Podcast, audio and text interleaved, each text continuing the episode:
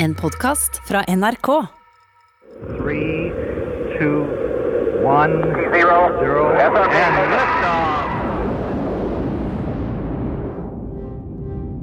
Jeg har alltid drømt om det. Kanskje du også? Å kunne fly rundt som en astronaut. Ta en salto uten problemer. Og spise mat som svever i lufta foran meg. Følelsen av å være vektløs. Men er astronautene uten vekt? Virker det ikke en tyngdekraft på dem der oppe?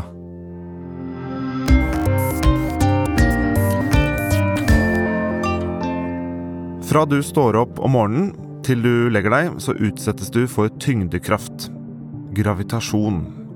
Kraften som drar alt i vår verden inn mot sentrum av jordkloden. En skjult kraft som du overvinner hver gang du klarer å løfte kaffekoppen opp til munnen, og som du taper for når mobilen faller i gulvet og skjermen knuser. Men tyngdekraften er også kraften som holder planetene i bane. Og hvis det er tyngdekraft mellom månen og jorda, da må det være tyngdekraft som påvirker romstasjonen og astronautene som sitter inni den. Jeg tror at du har misforstått vektløshet. Jeg gjorde det selv, men så studerte jeg fysikk, og nå er jeg her, inne i øret ditt, for å redde deg fra å ta feil. Og for å ta deg med på tivoli. Jeg er Andreas Wahl, fysiker, programleder og vitenskapsformidler. Og jeg synes det er viktig at vi forstår ordentlig hvilke krefter vi blir utsatt for i hverdagen. Derfor mener jeg vektløshet burde vært pensum.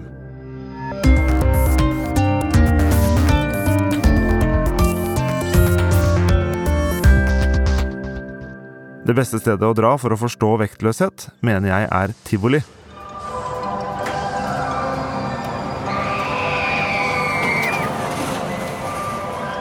Derfor er jeg altså her på Tusenfryd. Aleine. Som voksen mann. Og heldigvis så er jo du også med. Men det er det jo ingen andre som ser. Så her går jeg alene på vei til vårt første stoppested og ser ut nettopp som en voksen mann alene på tivoli. Her kan vi nemlig gå fra den ene attraksjonen til den andre og kjenne med kroppen kreftene som virker på oss. Vi kan bl.a. oppleve den samme vektløse følelsen som astronautene i noen små øyeblikk. Kan vi virkelig bli vektløse her på jorda? Svaret er ja og nei, og det skal jeg forklare senere. Men før vi kommer så langt, må vi forstå hvilken rolle tyngdekraften har når det kommer til vektløshet.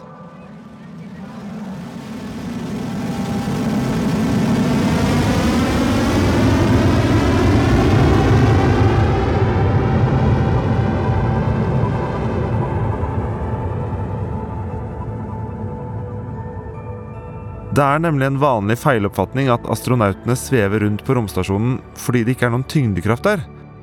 Men tyngdekraften den befinner seg overalt, den. Til og med i verdensrommet. Selv om andre hadde tenkt på det før ham, var Isaac Newton den første til å publisere en omfattende teori om tyngdekraften. Han så visstnok et eple falle ned fra et tre, og spurte seg selv Hvordan svever det ikke bare av gårde? Og hvorfor faller det nedover og ikke bortover? Han skjønte etter hvert at månen holdes i bane rundt jorda av den samme usynlige kraften som får eplet til å falle mot bakken. En tiltrekkende kraft mellom alle objekter, men størst mellom store ting. Men hvis eplet detter ned på bakken, hvorfor gjør ikke månen det samme?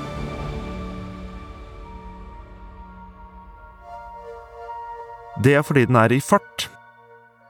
Månen har akkurat nok fart til å veie opp for tyngdekraften mellom den og jorda. Akkurat nok til at den verken detter ned på jorda eller forsvinner ut i universet. Og det samme gjelder for planetene i bane rundt sola. Det er det samme som skjer med romstasjonen også, der den svever 300-400 km over jordoverflaten. Den har akkurat riktig fart til å holde seg i bane rundt jorda, noe som er avgjørende for at astronautene føler seg vektløse. Og det kommer jeg tilbake til. Et annet begrep vi ikke kommer utenom, er G-krefter. Du vet, det de skryter av. For eksempel på tivoli. Her er den, vet du. Altså På avstand så ser den jo ikke så innmari stor ut eh, når du måtte kjøre inn mot parken. Men jeg står her ved foten, så er den så høyt opp at jeg må myse for å i det hele tatt se toppen eh, der oppe. Eh, på alle fire kantene av tårnet er det tre seter. Og så blir man stroppet godt fast med en bøyle nedover hodet og en liten ekstra sikkerhetssele mellom beina. Og så blir man heist opp noen meter før det bare skytes opp 5000 hestekrefter som dytter deg. Vi er ved Spaceshot og skal skytes til himmels. Dette skal jeg gjøre for å kjenne ekstra godt på G-kreftene. Men hva er egentlig G-krefter, og hvordan henger G-krefter sammen med vektløshet? G-en står for gravitasjon. Men det er ikke så enkelt som at G-krefter er det samme som tyngdekraft. Nå skal du høre. Når du sitter i en vanlig stol, vandrer rundt i stua di eller er på Tusenfryd, så opplever du 1G. Det er et tall vi har funnet på for å kunne sammenligne med andre situasjoner.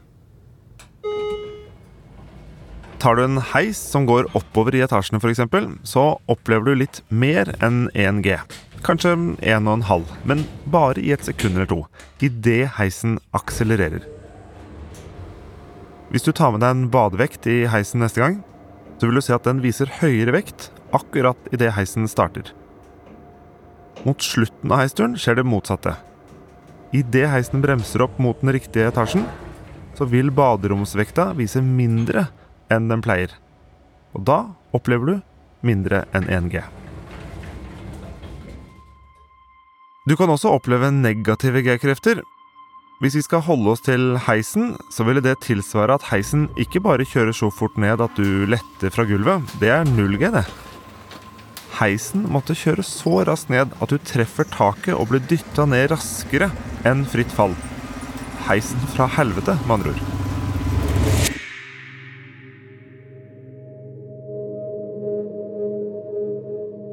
G-krefter er egentlig ikke krefter i fysikken, men en sammenligning med normalen. En sammenligning med den tyngdekraften vi opplever på jordoverflaten i hverdagen. En jagerpilot eksempel, som utsettes for 5G, presses ned i setet fem ganger så hardt som da hun satte seg i flyet før avgang. Men hvor mange G-er utsettes man for når man er vektløs? Nå skal jeg måle G-kreftene vi kjenner på i Spaceshot. Jeg kunne hatt med meg en dings, et akselerometer, men jeg har bestemt meg for å lage et litt forenkla måleinstrument for underholdningens skyld. Jeg har kjøpt meg en diger iskaffe med krem og sjokoladesaus og det hele. Men ikke noe lokk. Og så har jeg stroppet fast et kamera for å filme hva som skjer. Målet er å sammenligne hva som skjer med meg, og hva som skjer med iskaffen. Du kan jo lage deg din egen hypotese om hva som kommer til å skje. Ok, fester du den Takk. Er jeg sitter her nå, eller? Ok, fint. Jeg er klar. Når dere er klare, så trykker dere på knappen.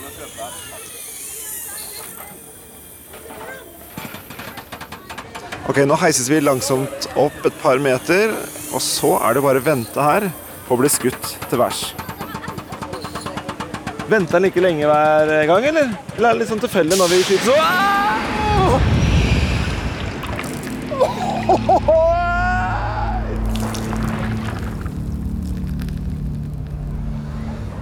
altså, shit, det var, eh, det var faktisk verre enn jeg husker fra korpsturen som eh, 14-åring. Jeg fikk med at noe av kaffen forsvant, men, men, ellers så fikk jeg ikke så veldig mye med meg. Så nå må jeg se på, på opptakene på kamera. Her opplevde jeg både positive G-krefter og negative G-krefter. Men det var kun iskaffen som opplevde null G. I starten, i utskytingen, presses jeg ned i setet og kaffen ned i plastbegeret. Tyngdekraften er nøyaktig den samme, men jeg og kaffen akselereres oppover. Så her opplever vi positive G-krefter. Og så var jeg veldig spent på om vi kom til å falle fritt etter det første skyvet oppover. Da ville jeg og iskaffen være i fritt fall og oppleve 0 G. Og måleinstrumentet jeg eh, holder i hånda, og da snakker jeg om begeret med iskaffe, der ville kaffen ligge i ro og verken presse ned i begeret eller komme opp og ut av det. Og det kan godt hende det er sånn Spaceshot er designa og funker, at den skal gi oss muligheten til å falle fritt. Men det er ikke det jeg opplever. Jeg kjenner bøylene over skuldrene mine presse nedover, og det er ikke fritt fall. Det er ikke 0G.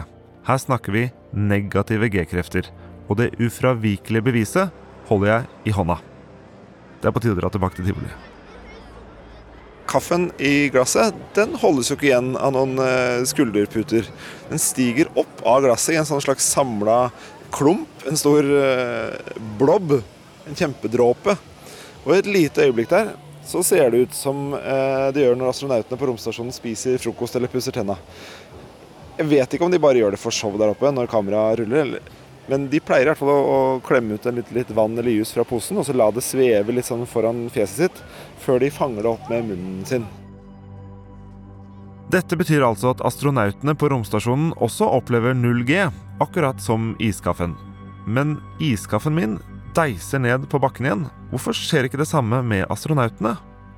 Jeg mener, de opplever nesten like stor tyngdekraft som iskaffen, og akkurat samme mengde G-krefter, null. Det skal vi komme tilbake til, for akkurat nå må vi ta en liten timeout for å sette pris på hvordan vann oppfører seg i fritt fall.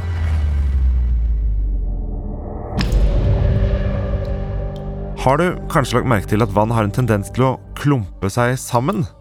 Altså En dråpe vann på bordet foretrekker å være samla i en liten tja, haug istedenfor å fordele seg tynt utover. En vanndråpe som faller fra dusjhodet, strekker seg først lang før den slipper taket, og der ser det ut som den trekker halen den hang i, til seg. Den samler seg og trekker inn ekstremitetene til en liten ball. Vann holder seg sammen fordi det har en hinne. Den ønsker å være minst mulig, og kule er den formen som har den aller minste overflaten.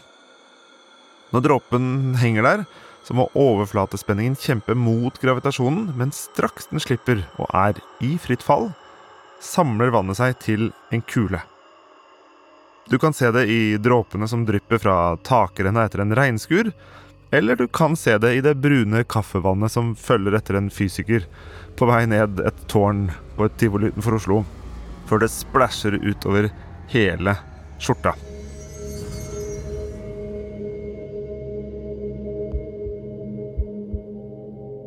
Ok, nok om vann.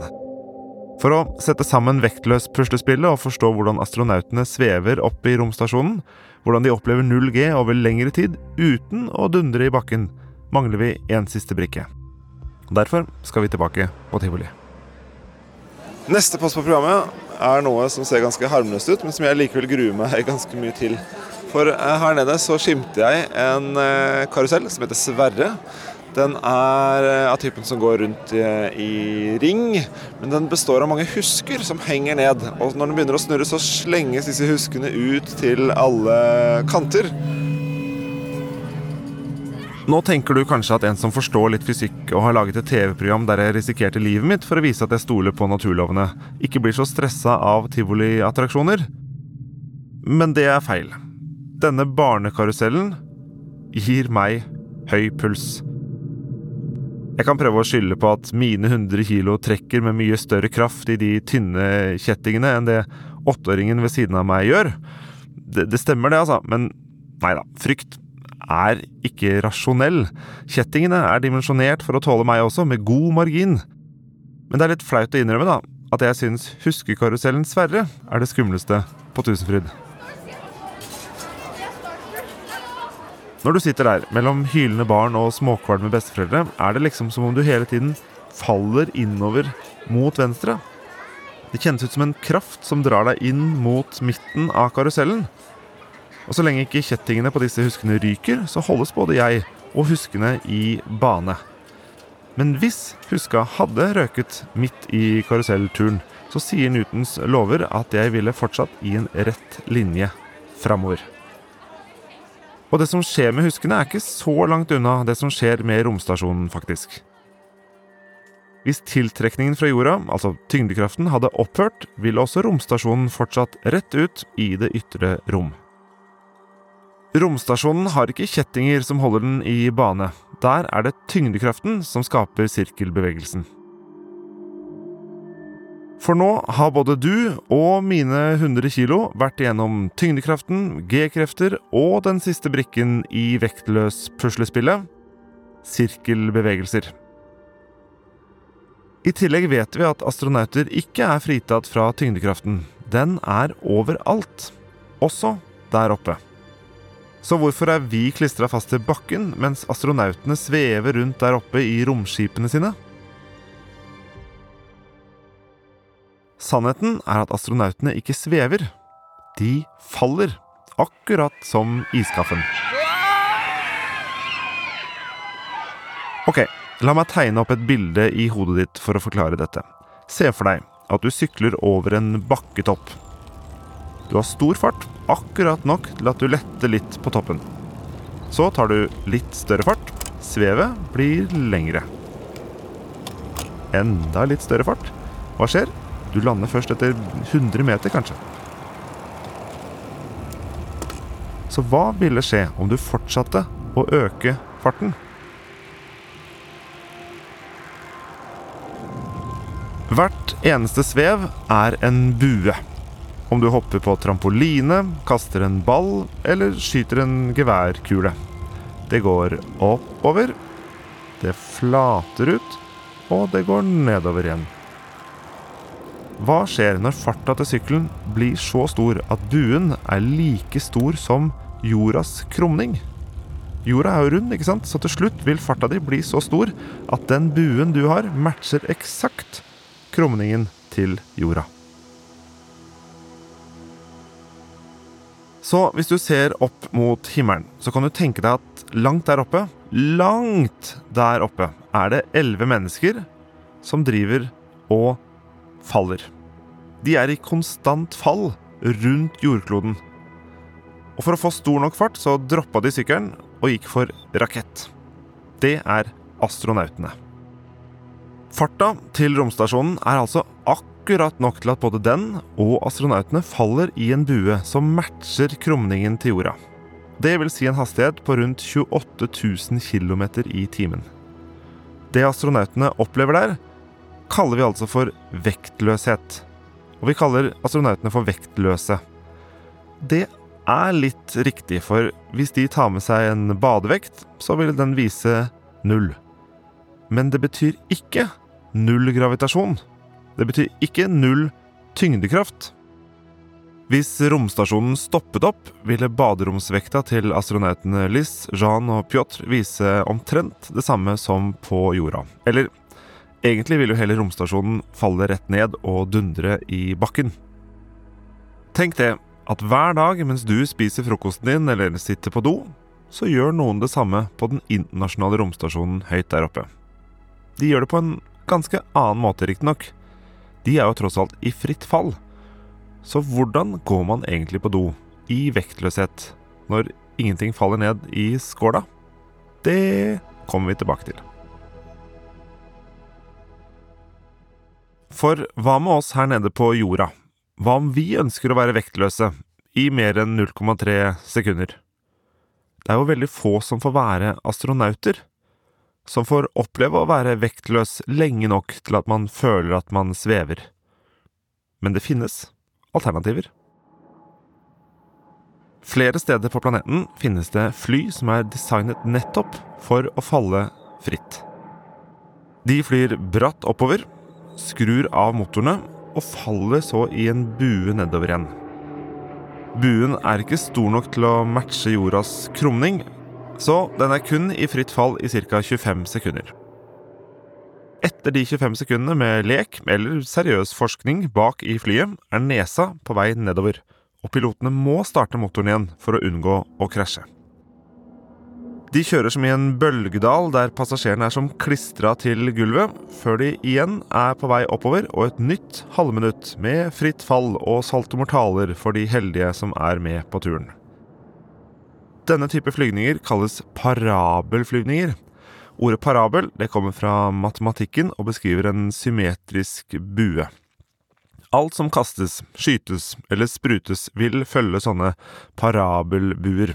Kaster du noe rett opp, så blir buen spiss. Kaster du det rett framover, så blir den buen ganske slak.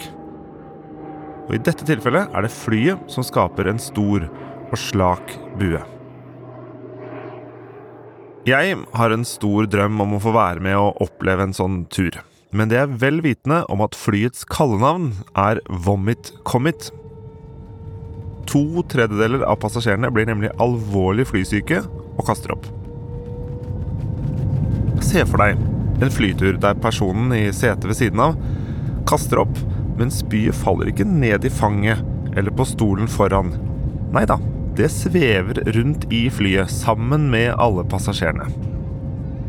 Så lyst har jeg til å oppleve det å være vektløs, og det er villig til å risikere å bade i andres spy på veien. Mens jeg venter på invitasjon fra NASAs lillebror, europeiske ESA, om en plass på spyflyet, fortsetter jeg turen til et sted der jeg vet at det også spys litt. På tivoli. Hvor jeg nå skal få fly i parabel og kjenne på vektløshet. Om så bare et lite øyeblikk. Nå skal vi til den siste karusellen på programmet. Det er Tusenfryds eh, berg-og-dal-bane Stolthet Speed Monster. Her får vi nemlig hilse på G-kreftene på ordentlig vis. Jeg hører hylingen allerede. Men før jeg utsetter meg for de heftigste G-kreftene parken har å by på, har jeg lyst til å forklare hva som skjer når vi tar en berg-og-dal-bane. Når jeg sitter i en berg-og-dal-bane og den kjører gjennom en dump, så føler jeg at jeg blir trykt ned i setet av en, en økt tyngdekraft. Men tyngdekraften øker jo ikke. Det som egentlig skjer, er at setet dytter meg oppover, akselererer meg oppover. Denne følelsen av at vekta endrer seg, hvor jeg enten blir pressa hardt ned i setet og føler meg tyngre, eller blir uh, løfta opp og, og, kjenner at skulderputene presser ned, det er G-krefter. Men i de øyeblikkene hvor rumpa har dette fra setet, men jeg ikke presses uh, ned av skulderputene, da er jeg vektløs.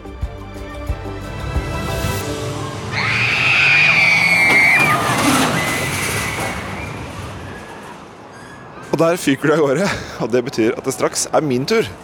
Speedmonster akselererer fra 0 til 100 km i timen på 2,5 sekund. Det er like raskt som en Formel 1-bil. Eh, det har jeg lest da på en nettside for berg-og-dal-bane-entusiaster. Ja da, de finnes. Men det entusiastene er aller mest opptatt av, de er ikke egentlig fart eller antallet looper. Det som best beskriver en berg-og-dal-banes intensitet, det er airtime. Altså hvor ofte og hvor lenge rumpa di løftes ut av setet. Det er den vektløse følelsen. Berg-og-dal-banedesignere jobber hardt med å legge inn bølgetopper på de rette strekningene eh, som tilpasses farta, sånn at vognene og gjestene som eh, sitter i dem, følger denne samme buen. Og da får vi kjenne oss vektløse for en liten stund.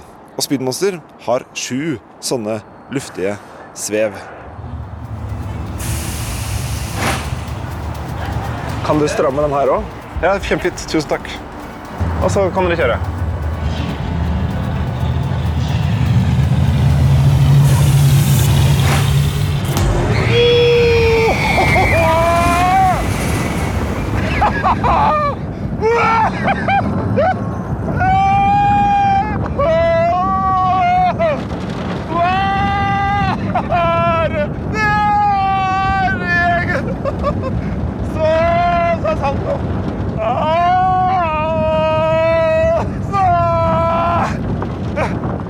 Og når jeg letter fra setet her, og så er det fordi jeg er Fritt fall! Ikke fordi det er noen mangel på Nei! Gravitasjon!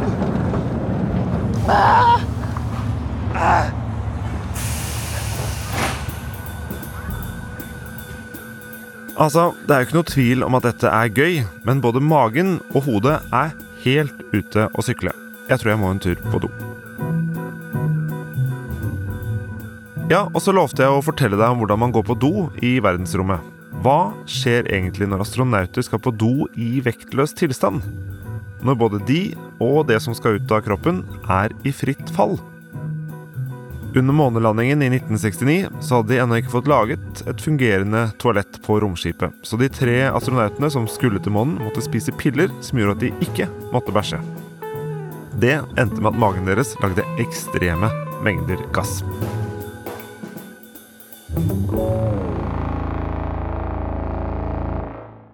Heldigvis har noen funnet opp hvordan man kan gå på do i verdensrommet. Det de gjør, er å bruke en støvsuger, og ytterst har den en trakt som du plasserer over tissen. Enten du er jente eller gutt. Og så suges tisset av sted. Og må du større saker, så setter du deg på et støvsugermunnstykke formet som en doring, og gjør det du skal der. Og så blir bæsjen sugd ned i en pose.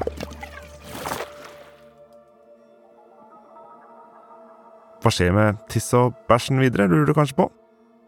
Vel, tisset, det blir resirkulert. Både tiss og svette blir rensa og brukt på ny som drikkevann. Som jeg hørte en astronaut sa det, dagens kaffe er også morgendagens kaffe. Enkelte av bæsjeposene blir med ned på jorda for å bli analysert. Men de fleste av posene ender opp i noen spesielle beholdere som er laget for å slippes ned, sånn at de brenner opp i atmosfæren over hodene våre. Hvem vet? Kanskje støvet som falt i fjor, egentlig var astronauten Pjotr sin uh, bæsjeaske? Men vi som ikke er astronauter, og til og med du som ikke er på tivoli, har også små øyeblikk i hverdagen hvor vi kjenner på følelsen av vektløshet. Som når du suser over en bakketopp på ski, hopper av glede, eller kjører litt for fort over en fartsdump så rumpa di letter fra setet. Sånne svev har en tendens til å kile i magen, og det er fordi du er i fritt fall. Det er den vektløse følelsen. Så endelig er misforståelsen over. Astronautene er ikke uten tyngdekraft, for tyngdekraften den er definitivt til stede ute i rommet.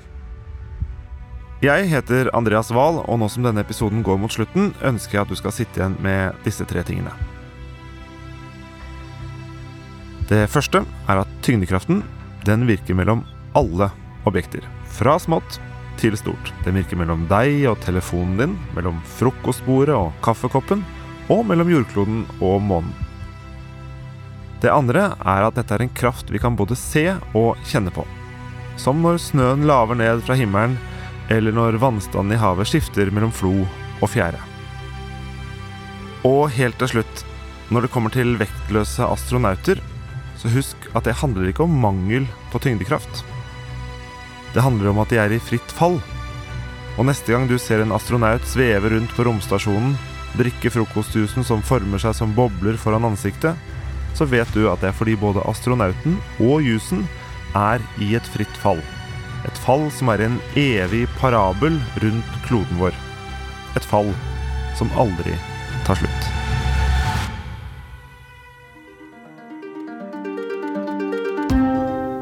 Har du lyst til å høre om flere temaer som burde vært pensum? Følg Burde vært pensum i appen NRK Radio. Burde vært pensum er laget av Lyder Produksjoner for NRK.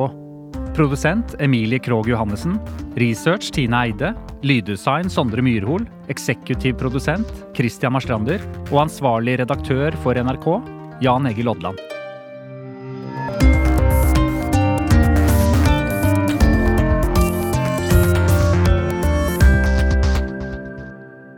En podkast fra NRK.